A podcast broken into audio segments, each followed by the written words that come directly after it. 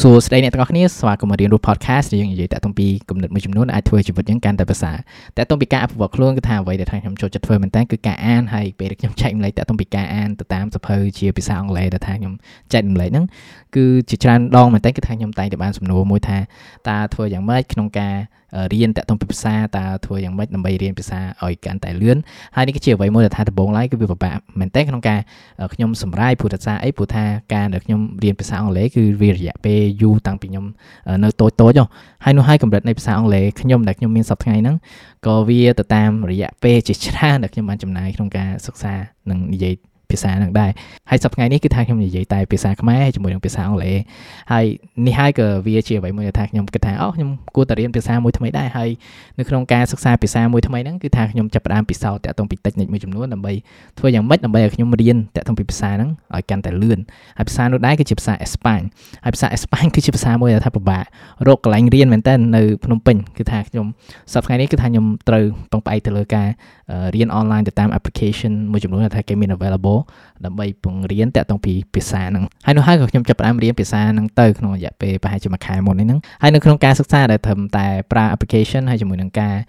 ណែនាំមួយចំនួនពីមិត្តភ័ក្តិខ្ញុំដែលគាត់និយាយភាសាអេស្ប៉ាញហ្នឹង ក្នុងរយៈពេល30ថ្ងៃគឺថាខ្ញុំអាចនិយាយជាមួយពួកគាត់បានខ្លះខ្លះហើយមិនត្រឹមតែប៉ុណ្្នឹងពេលដែលខ្ញុំស្ដាប់ជាចម្រៀងជាភាសាអេស្ប៉ាញអញ្ចឹងខ្ញុំអាចយកបានប្រមាណពីអីខ្លះខ្លះអញ្ចឹងដែរអញ្ចឹងខ្ញុំគិតថាជាការ improvement ដែលថាវាល្អដែរតែក្នុងរយៈពេលតែមួយខែសិក្សាដោយខ្លួនឯងហើយនេះគឺជា tip មួយចំនួនដែលថាខ្ញុំគិតថាវាអាចមានប្រយោជន៍សម្រាប់អ្នកបើសិនមកអ្នកទាំងអស់គ្នាចង់រៀនភាសាអីមួយដំបូងឡើយយើងត្រូវសួរខ្លួនឯងសិនហេតុអីបើយើងចង់រៀនភាសាអីមួយព្រោះតែបើសិនមកយើងអត់មានគោលដៅច្បាស់លាស់យើងដឹងថាយើងយកភាសានឹងយកមកធ្វើអីយើង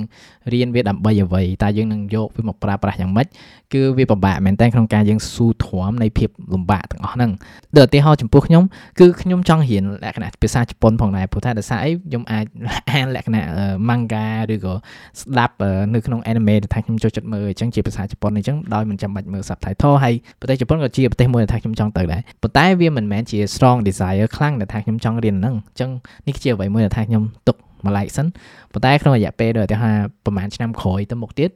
ខ្ញុំចង់ដូចថា backpack ទៅ South Americas ព្រោះថាចំពោះខ្ញុំផ្ទាល់គឺថាខ្ញុំចង់ស្វែងយល់ពី culture នៃតំបន់នៃពិភពលោកហ្នឹងផងដែរហើយក៏មានកន្លែងមួយចំនួនថាខ្ញុំចង់ទៅដូចឧទាហរណ៍ជាពិសេសគឺ Machu Picchu នៅប៉េរូហើយដល់ហេតុនេះហើយគឺថាវាជំរុញខ្ញុំមែនតើបើសិនមកខ្ញុំចង់ទៅក្នុងរយៈពេលប្រហែលឆ្នាំទៅមុខទៀតគឺថាខ្ញុំត្រូវចេះភាសាអេស្ប៉ាញព្រោះថាដោយសារអីប្រទេសភាគច្រើននៃ Latin America ហ្នឹងគឺគាត់និយាយភាសាអេស្ប៉ាញ ហើយវាពិបាកមែនតើបើខ្ញុំចេះតែអង់គ្លេសខ្ញុំទៅតំបន់ហ្នឹងហើយការដែលខ្ញុំចេះភាសាអេស្ប៉ាញមួយការដែលខ្ញុំទៅប្រទេសមួយទៅប្រទេសមួយក្នុងតំបន់ហ្នឹងគឺថាវាមានភាពងាយស្រួលអញ្ចឹងនេះគឺជាមូលហេតុរបស់ខ្ញុំដែលថាខ្ញុំចង់រៀនភាសាហ្នឹងអញ្ចឹងអ្នកទាំងអស់គ្នាគួរគិតឡើងវិញបើសិនបើអ្នកទាំងអស់គ្នាចង់រៀនភាសាមួយសួរមើលថាតើហេតុអ្វីបានយើងចង់រៀនភាសាហ្នឹងតើយើងរៀនវាដើម្បីអីតើយើងយកវាមកប្រើប្រាស់យ៉ាងម៉េចហើយបង្កើតជាគោលដៅមួយទី2គឺតកតងពីការចងចាំនៃ vocabulary ជាធម្មតាគឺថាវាតែងតែមានពាក្យថ្មីថ្មីរហូតការដែលយើងរៀននៅភាសាមួយតើយើងធ្វើយ៉ាងម៉េចដើម្បីឲ្យងាយស្រួលចងចាំជាងមុនហើយអ្វីមួយដែលថាវាសាមញ្ញមែនទែនដែលយើងទាំងអស់គ្នាអាសាធ្វើគឺថាពេលដែលយើងជួបអីពាក្យអីមួយ គឺយើងទន្ទិញវាទន្ទិញហើយទន្ទិញទៀតទន្ទិញហើយទន្ទិញទៀតហើយរហូតដល់ទៅចាំរើប៉ុន្តែយើងគិតមើលក្នុងភាសាមួយមួយមានពាក្យរាប់ពាន់រាប់ម៉ឺនអញ្ចឹងបើសិនមកយើងទន្ទិញរាប់រយដងក្នុងពាក្យមួយដើម្បីឲ្យចាំវាគឺថាវាពិបាកមែនតើហើយនេះគឺជារបៀបមួយដែលថាគេយកមកប្រើក្នុងការសិក្សាអញ្ចឹងណាគឺការប្រើភាពច្នៃប្រឌិតរបស់យើងក្នុងការចងចាំតាក់ទងពីពាក្យអីមួយការដែលយើងជួបពាក្យអីមួយគឺយើងកុំត្រឹមមើលតែអក្សរប៉ុន្តែយើងគួរតែភ្ជាប់តាក់ទងពីពាក្យហ្នឹងនៃអត្ថន័យវា ទៅរូបភាពឬក៏រឿងអីមួយដែលថាយើងអាចប្រឌិតឡើងនៅក្នុងខួរក្បាលរបស់យើងអានេះដូចឧទាហរណ៍ដូចប្រហែលជា8ឆ្នាំមុនអីខ្ញុំធ្លាប់រៀនជប៉ុនបានក្នុងរយៈពេលប្រហែល2 3ខែដែរហើយទោះជារយៈពេលយូរហើយខ្ញុំបានឈប់រៀនតាំងពីនឹងមកក៏ខ្ញុំចាំពាក្យមួយចំនួនដែរគឺថានៅក្នុងថ្នាក់ខ្ញុំចូលចិត្តលេងសើចមែនតើគឺថាដូចឧទាហរណ៍មានឃ្លាមួយខ្ញុំចូលចិត្តទៅថាត្រឡប់វាឬក៏ប្រឌិតវាអញ្ចឹងហើយដោយសារហេតុនោះហើយក៏វាងាយស្រួលក្នុងការ ចាំឧទាហរណ៍ដូចជាពាក្យមួយយ៉ាសៃយ៉ាសៃហ្នឹងមានន័យថាបន្លែហើយខ្ញុំនៅចិត្តមិត្តភក្តិខ្ញុំដែលថាគាត់ចូលចិត្តនិយាយលេងសើចអញ្ចឹងខ្ញុំនិយាយថាសៃអាព្រោះថាបើយើងត្រឡប់យ៉ាសៃ ទៅ Saiya អញ្ចឹងវាដូចជានៅក្នុង Dragon Ball character Super Saiya Super Saiyan នេះហ្នឹងហើយដល់ហើយទៅខ្ញុំបានប្រឌិតរូបភាពដូចថា Super Saiya ហ្នឹងពេលដែលគាត់ខំប្រឹងបញ្ចេញធម្មពលពេលដែលសក់គាត់ចេញពណ៌លឿងហ្នឹងគឺមិនមែនចេញពណ៌លឿងប៉ុន្តែចេញពណ៌បៃតងគឺថាសក់ហ្នឹងប្រែកន្លាជាបន្លែអញ្ចឹងពេលដែលខ្ញុំឃើញពាក្យអូខេយ៉ាសៃគឺថាខ្ញុំកាត់យកលឿនលឿនហ្មងថាអូហ្នឹងបន្លែ ព្រោះថាដោយសារអីពេលខ្ញុំជួបពាក្យហ្នឹងគឺថាខ្ញុំចាប់ផ្ដើមគិតតាក់ទងពី narrative ឬក៏ការគិតមួយចំនួនដែលថាវាល្អសោចតាក់ទងពីពាក្យហ្នឹងអញ្ចឹងក៏វាងាយស្រួលមែនតើក្នុងការចងចាំហើយដូចឧទាហរណ៍ពាក្យមួយទៀតអញ្ចឹងណាសកាណាសកាណាមានន័យថាត្រីហើយពាក្យសកាណាហ្នឹងវាដូចខ្មែរយ៉ាងសក្តាសក្តាសក្តាហើយក្នុងអំឡុងពេលហ្នឹងក៏ខ្ញុំមានមិត្តភ័ក្តិមួយចំនួនឈ្មោះសក្តាដែរហើយខ្ញុំចាប់ផ្ដើមប្រឌិតរូបភាពនៅក្នុងខួរក្បាលខ្ញុំដែរថាខ្ញុំដើរទៅមាត់សមុទ្រអញ្ចឹងទៅគឺខ្ញុំឃើញមិត្តភ័ក្តិខ្ញុំឈ្មោះសក្តាទាំងអស់ហ្នឹងគឺថាគាត់ជាមច្ឆាហើយគាត់ហែទឹកពេញហ្នឹងអញ្ចឹងពេលតែខ្ញុំជួបពាក្យសក្តាណាហ្នឹងខ្ញុំគិតឃើញមច្ឆាមច្ឆាអូខេមច្ឆាវា relate ទៅអីវា relate ទៅសត្វត្រីទៅហើយនេះគឺជាអ្វីមួយដែលថាខ្ញុំយកមកប្រើដែរក្នុងការសិក្សាតាក់ទងពីភាសាអេស្ប៉ាញហ្នឹងដូចឧទាហរណ៍ពាក្យ aburrido aburrido ហ្នឹងមានន័យថាធុញអញ្ចឹងវាស្ដាប់មកពាក្យហ្នឹងគឺដូច burrito burrito គឺជាម្ហូបមួយរបស់ Mexico អញ្ចឹងណាហើយដល់ហើយទៅគឺថាខ្ញុំចាប់ផ្ដើមប្រឌិតទៀតដែរដូចថា burrito ហ្នឹងគឺថាគាត់ធំគាត់ដូចមនុស្សអញ្ចឹងហើយគាត់អង្គុយតែឯងគាត់ធុញគាត់អត់ដឹងធ្វើអីអញ្ចឹងពេលខ្ញុំឃើញអាហ្នឹង okay burrito វាធុញអញ្ចឹងអូខេ burrito គឺវាជាពាក្យមួយដែលមានន័យថាធុញហើយមួយទៀតដូចថា Sudat Sudat ហ្នឹងមានន័យថាទីក្រុង city ហើយដល់ហើយទៅគឺថាស្ដាប់មកគឺថា okay Su dat dat ហ្នឹង DAD ដូចថាពាក្យឪពុក នៅក្នុងភាសាអង់គ្លេសអញ្ចឹងអញ្ចឹងដូចឧទាហរណ៍ថា su su dad ឬក៏ su su pa ថាពេលដែលគាត់ចេញទៅធ្វើការអញ្ចឹងទៅយើងនិយាយប្រាប់គាត់ថា su su dad វាដូចជាការលើកទឹកចិត្តគាត់មុននឹងគាត់ចេញទៅធ្វើការនៅក្នុងទីក្រុង ចឹងពេលខ្ញុំគិតពាក្យហ្នឹងគឺថាខ្ញុំចាប់ផ្ដើម delay អីហើយទាំងអស់ហ្នឹងស្ដាប់មកដូចថាវារៀង silly វារៀងមើលស្ដាប់មកដូចថាកំ pl ែងឬក៏មើលមកដូចកូនក្មេងអញ្ចឹងប៉ុន្តែទាំងអស់ហ្នឹងហើយគឺវាជាអ្វីមួយដែលជំនួយនៅការចងចាំរបស់យើងហ្នឹងជាជាងជាយើងទិញរាប់មកហើយទៅតាមនៅវិធីសិក្សានេះក៏គេបានស្រាវជ្រាវឃើញដែរការដែលយើងរៀនបង្កើតនិងប្រឌិតនិងបង្កើតនៅរូបភាពនៃ អ្វីដែលយើងរៀនអ្វីដែលយើងចង់ចងចាំហ្នឹងគឺវាជាអ្វីមួយដែលជំនួយในការចងចាំរបស់យើងហ្នឹងពូខួរក្បាលយើងមិនមែន design មកដើម្បីចងចាំពាក្យហើយអសរឯងប៉ុន្តែនៅក្នុងការចងចាំលក្ខណៈជារូបភាពអញ្ចឹងយើងចាប់ផ្ដើមប្រឌិតតាក់ទងពីរូបភាពតាក់ទងពីរឿងនៃពាក្យដែលថាយើងចងចាំហើយនេះគឺវាទៅតាមភាពច្នៃប្រឌិតរបស់យើងដែរគឺថាយើងចាប់ផ្ដើមលេងធ្វើដូចកូនក្មេងថា ថាលេងមួយពាក្យហ្នឹងបង្កើតនៅអត្ថន័យមួយថ្មីថ្មីឬក៏រូបភាពអីថ្មីថ្មីតាមពាក្យហ្នឹងអញ្ចឹងវាធ្វើឲ្យមានភាពងាយស្រួលមែនតើក្នុងការចងចាំហ្នឹងទី3គឺថាយើងចាប់ផ្ដើមមានភាពអង្អែកក្នុងការនិយាយភាសាហ្នឹងជាមួយនឹងមនុស្សម្នាក់ដែលគាត់ចេះនិយាយភាសាហ្នឹងហើយនេះគឺជាអ្វីមួយដែលខ្ញុំសង្កេតឃើញការដែលខ្ញុំរៀនភាសាអង់គ្លេសដំបូងដំបូងគឺថាខ្ញុំរៀននៅសាលាមួយ4 5ឆ្នាំបានចាប់ផ្ដើមឲ្យនិយាយតាក់ទងពីភាសាហ្នឹងជាមួយនឹងមិត្តភ័ក្តិខ្ញុំដែលរៀនជាមួយគ្នាអញ្ចឹងហើយពេលខ្លះក៏រៀងអៀនអៀនដូចគ្នាអញ្ចឹងណាក៏អត់សូវបាននិយាយឬក៏ practice អីចឹងហើយនេះគឺជាអ្វីមួយដែលយើងគួរ step out of comfort zone ក្នុងការនិយាយភាសាហ្នឹងហើយអ្វីមួយដែលខ្ញុំ recommend មែនតើណាគឺថាស្វែងរកអ្នកដែលនិយាយភាសាហ្នឹង ពីកំណើតហ្មងដូចឧទាហរណ៍ចំពោះខ្ញុំអញ្ចឹងគឺថាខ្ញុំមានមិត្តភ័ក្តិស្រាប់តែគាត់និយាយភាសាអេស្ប៉ាញដូចឧទាហរណ៍មិត្តភ័ក្តិខ្ញុំមួយមកពីអេក្វាដូហ្នឹងគឺថាពេលដែលខ្ញុំឆាតជាមួយគាត់ឥឡូវហ្នឹងគឺថាឆាតជាភាសាអេស្ប៉ាញ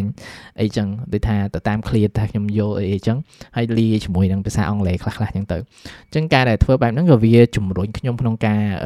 ប្រើភាសាហ្នឹងគឺថាយើងអត់រៀនទុកនៅក្នុងតែខួរក្បាលរបស់យើងប៉ុន្តែយើងរៀនបញ្ចេញយើងរៀន express និយាយតាក់ទងពីភាសាហ្នឹងហើយមួយទៀតគឺថាការដែលយើងចាប់ផ្ដើមហ៊ាននិយាយហ្នឹងគឺថាយើងចាប់ផ្ដើមបាន feedback ភ្លាមភ្លាមហ្មងដូចឧទាហរណ៍ប្រហែលអាទិត្យមុនពេលដែលខ្ញុំនៅម៉ាឡេខ្ញុំ hang out ជាមួយមិត្តភ័ក្តិខ្ញុំមួយគាត់មកពី Venezuela ហើយដល់ពេលញ៉ាំអីហើយអញ្ចឹងទៅថាខ្ញុំចង់ហៅអ្នកលក់ដើម្បីទៅថាគិតលុយអីចឹងណាហើយជាភាសាអេស្ប៉ាញគឺថា yo necesito la cuenta ហើយដល់ពេលហ្នឹងគាត់ correct ខ្ញុំគឺថាមិនបាច់ចាំប្រើពាក្យ yo ដែលមានន័យថាខ្ញុំយើងអាចនិយាយបាន necesito la cuenta ហើយមិនត្រឹមតែ feedback ទេពេលដែលយើងអត់យល់តាក់ទងពី grammar ឬក៏អ្វីមួយចំនួនតាក់ទងពីភាសាហ្នឹងការដែលយើងស្គាល់ពួកគាត់ចឹងគឺថាយើងអាចសួរហ្មងដោយតែហមមិត្តភ័ក្ដិខ្ញុំពី Ecuador ហ្នឹងគឺថាខ្ញុំសួរគាត់មកពាក្យណាខ្លះដែលប្រើជាមួយនឹង la ជាមួយនឹង l ហើយគាត់ចាប់ផ្ដើមបញ្ចូលមូលហេតុអីអញ្ចឹងឬក៏ពាក្យផ្សេងផ្សេងអញ្ចឹងដែលថាខ្ញុំ មើលមកគឺថាវាអត់យល់អញ្ចឹងណាអញ្ចឹងគឺថាខ្ញុំដូចលក្ខណៈថាបានគ្រូបរៀនមួយអញ្ចឹងថាខ្ញុំអាចសួរសំណួរទៅមកទៅមកទៅមកបានអញ្ចឹងហើយបើសិនម្នាក់ទាំងអស់គ្នាអត់ស្គាល់ជនជាតិដែលថាគាត់ប្រកែក្នុងភាសាហ្នឹងអញ្ចឹងណា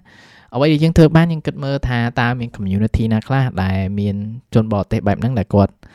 ទៅជុំគ្នានៅកន្លែងហ្នឹងដូចឧទាហរណ៍ថាប្រសិនបើយើងចង់រៀនភាសាជប៉ុនដូចថានៅ CJCC នៅ RUPP ហ្នឹងក៏មានជនជាតិជប៉ុនជាច្រើនដែរហើយក៏មាន event មួយចំនួនហើយយើងទៅដល់ហ្នឹងយើងលក្ខណៈដូច network យើងចាប់ផ្ដើមស្គាល់មួយចំនួនប្រសិនបើយើងអាចមានមិត្តភ័ក្តិពីកន្លែងហ្នឹងអញ្ចឹងទៅគឺយើងយ៉ាយើងអាច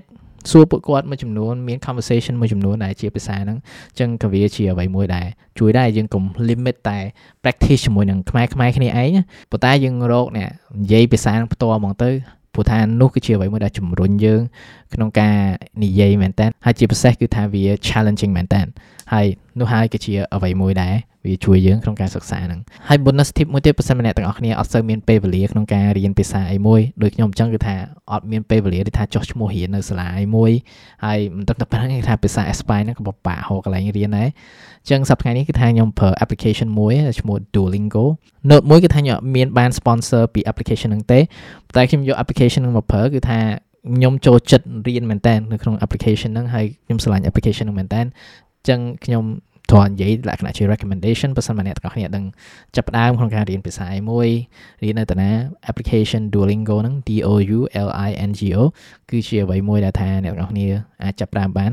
ប៉ុន្តែបញ្ហាមួយនៅក្នុង application ហ្នឹងគឺថានៅ interface របស់គេហ្នឹងគឺថាវាមានតែជាភាសាមួយចំនួនក៏អត់មានភាសាខ្មែរអញ្ចឹងយើងអាចរៀនភាសាអង់គ្លេសទៅតាម